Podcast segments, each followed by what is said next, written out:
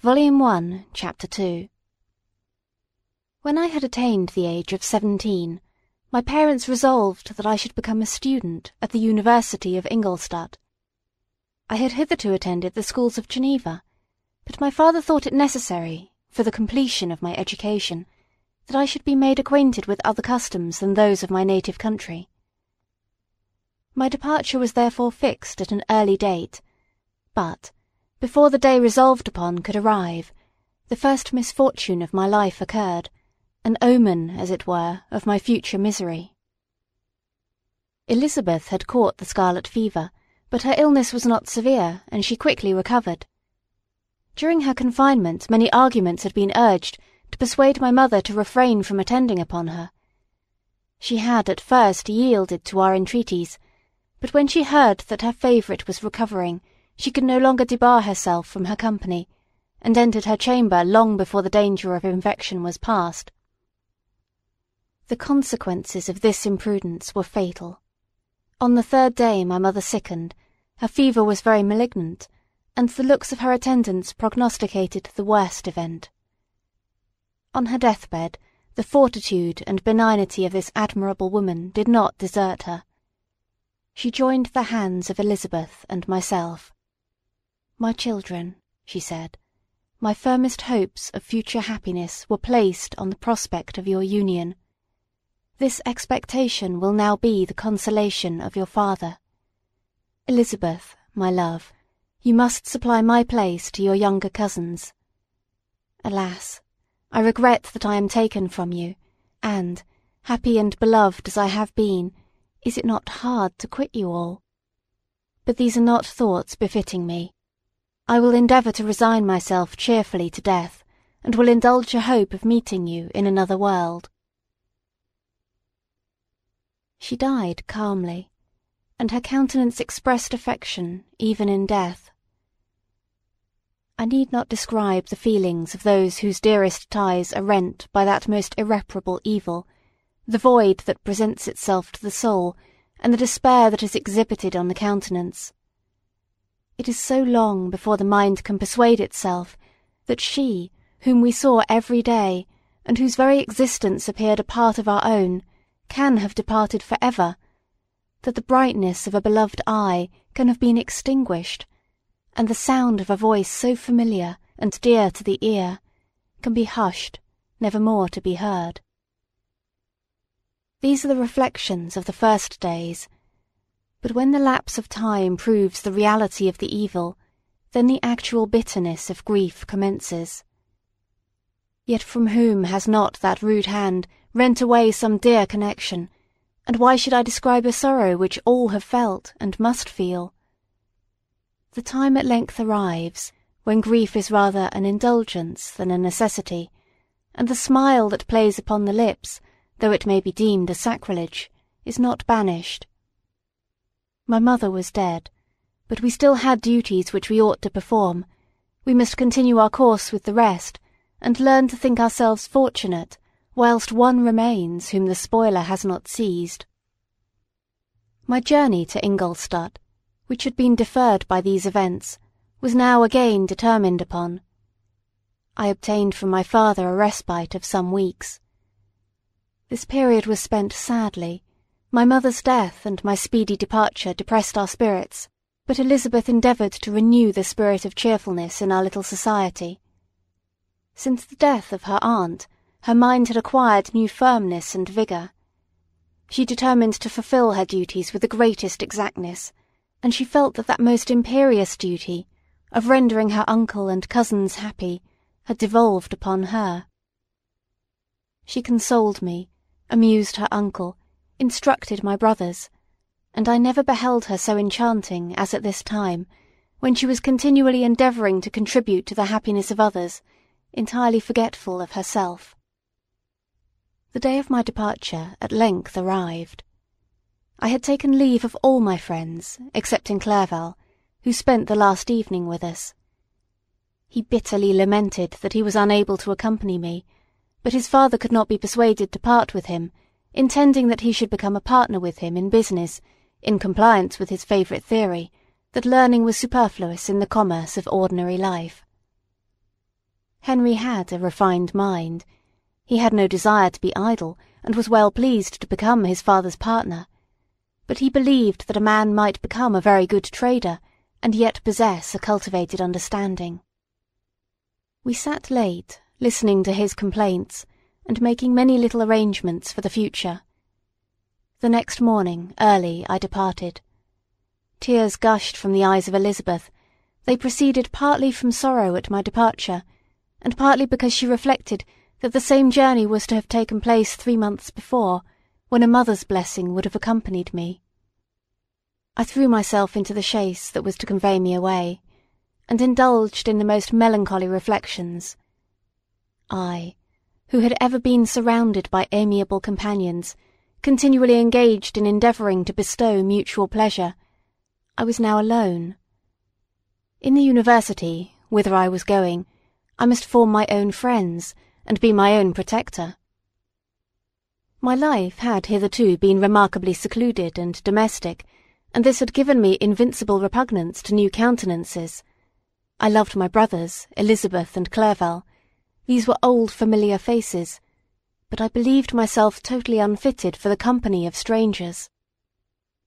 Such were my reflections as I commenced my journey, but as I proceeded my spirits and hopes rose. I ardently desired the acquisition of knowledge. I had often, when at home, thought it hard to remain during my youth cooped up in one place, and had longed to enter the world, and take my station among other human beings. Now my desires were complied with, and it would indeed have been folly to repent. I had sufficient leisure for these and many other reflections during my journey to Ingolstadt, which was long and fatiguing. At length the high white steeple of the town met my eyes.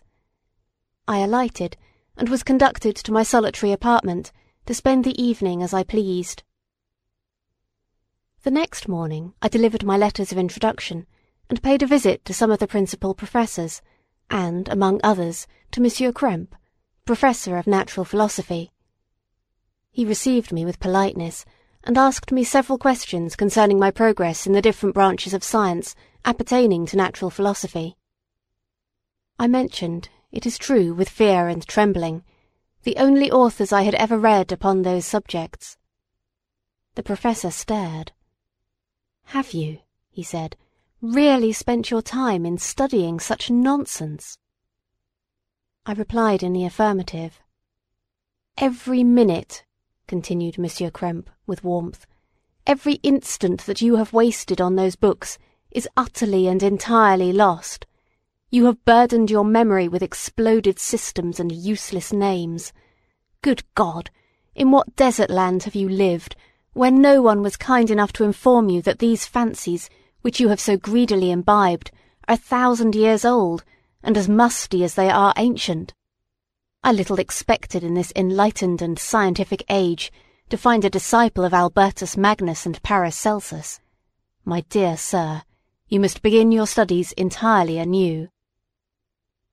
So saying, he stepped aside, and wrote down a list of several books treating of natural philosophy, which he desired me to procure, and dismissed me, after mentioning that in the beginning of the following week he intended to commence a course of lectures upon natural philosophy in its general relations, and that Monsieur Waldman, a fellow professor, would lecture upon chemistry the alternate days that he missed.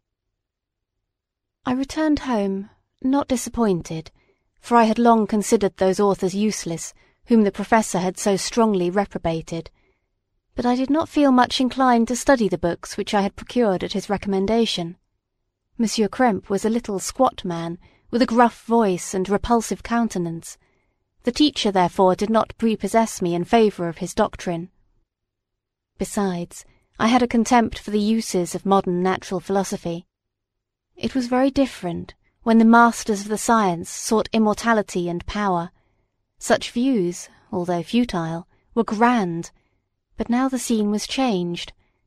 The ambition of the inquirer seemed to limit itself to the annihilation of those visions on which my interest in science was chiefly founded.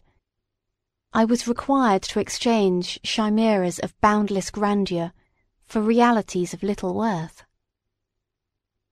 Such were my reflections during the first two or three days spent almost in solitude. But as the ensuing week commenced, I thought of the information which Monsieur Krempe had given me concerning the lectures.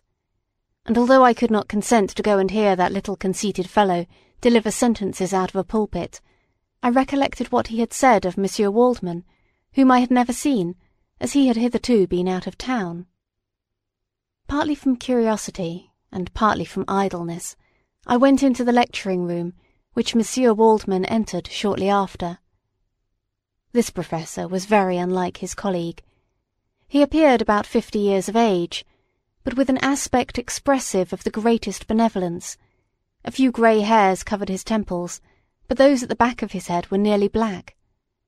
His person was short, but remarkably erect, and his voice the sweetest I had ever heard. He began his lecture by a recapitulation of the history of chemistry and the various improvements made by different men of learning, pronouncing with fervour the names of the most distinguished discoverers. He then took a cursory view of the present state of the science and explained many of its elementary terms. After having made a few preparatory experiments, he concluded with a panegyric upon modern chemistry, the terms of which I shall never forget. The ancient teachers of this science, said he, promised impossibilities and performed nothing. The modern masters promise very little. They know that metals cannot be transmuted and that the elixir of life is a chimera. But these philosophers, whose hands seem only made to dabble in dirt, and their eyes to pore over the microscope or crucible, have indeed performed miracles. They penetrate into the recesses of nature and show how she works in her hiding places. They ascend into the heavens. They have discovered how the blood circulates and the nature of the air we breathe. They have acquired new and almost unlimited powers they can command the thunders of heaven, mimic the earthquake, and even mock the invisible world with its own shadows. I departed highly pleased with the Professor and his lecture, and paid him a visit the same evening. His manners in private were even more mild and attractive than in public, for there was a certain dignity in his mien during his lecture, which in his own house was replaced by the greatest affability and kindness. He heard with attention my little narration concerning my studies, and smiled at the names of Cornelius Agrippa and Paracelsus, but without the contempt that Monsieur Krempe had exhibited. He said that these were men to whose indefatigable zeal modern philosophers were indebted for most of the foundations of their knowledge. They had left to us as an easier task to give new names, arrange in connected classifications, the facts which they in a great degree had been the instruments of bringing to light. The labours of men of genius, however erroneously directed, scarcely ever fail in ultimately turning to the solid advantage of mankind. I listened to his statement, which was delivered without any presumption or affectation, and then added that his lecture had removed my prejudices against modern chemists, and I, at the same time, requested his advice concerning the books I ought to procure. I am happy, said Monsieur Waldman, to have gained a disciple, and if your application equals your ability, I have no doubt of your success. Chemistry is that branch of natural philosophy in which the greatest improvements have been and may be made. It is on that account that I have made it my peculiar study. But at the same time I have not neglected the other branches of science. A man would make but a very sorry chemist if he attended to that department of human knowledge alone. If your wish is to become really a man of science, and not merely a petty experimentalist, I should advise you to apply to every branch of natural philosophy, including mathematics.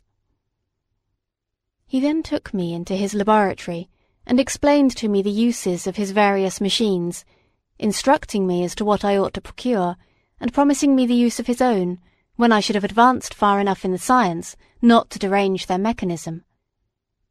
He also gave me the list of books which I had requested, and I took my leave. Thus ended a day memorable to me. It decided my future destiny.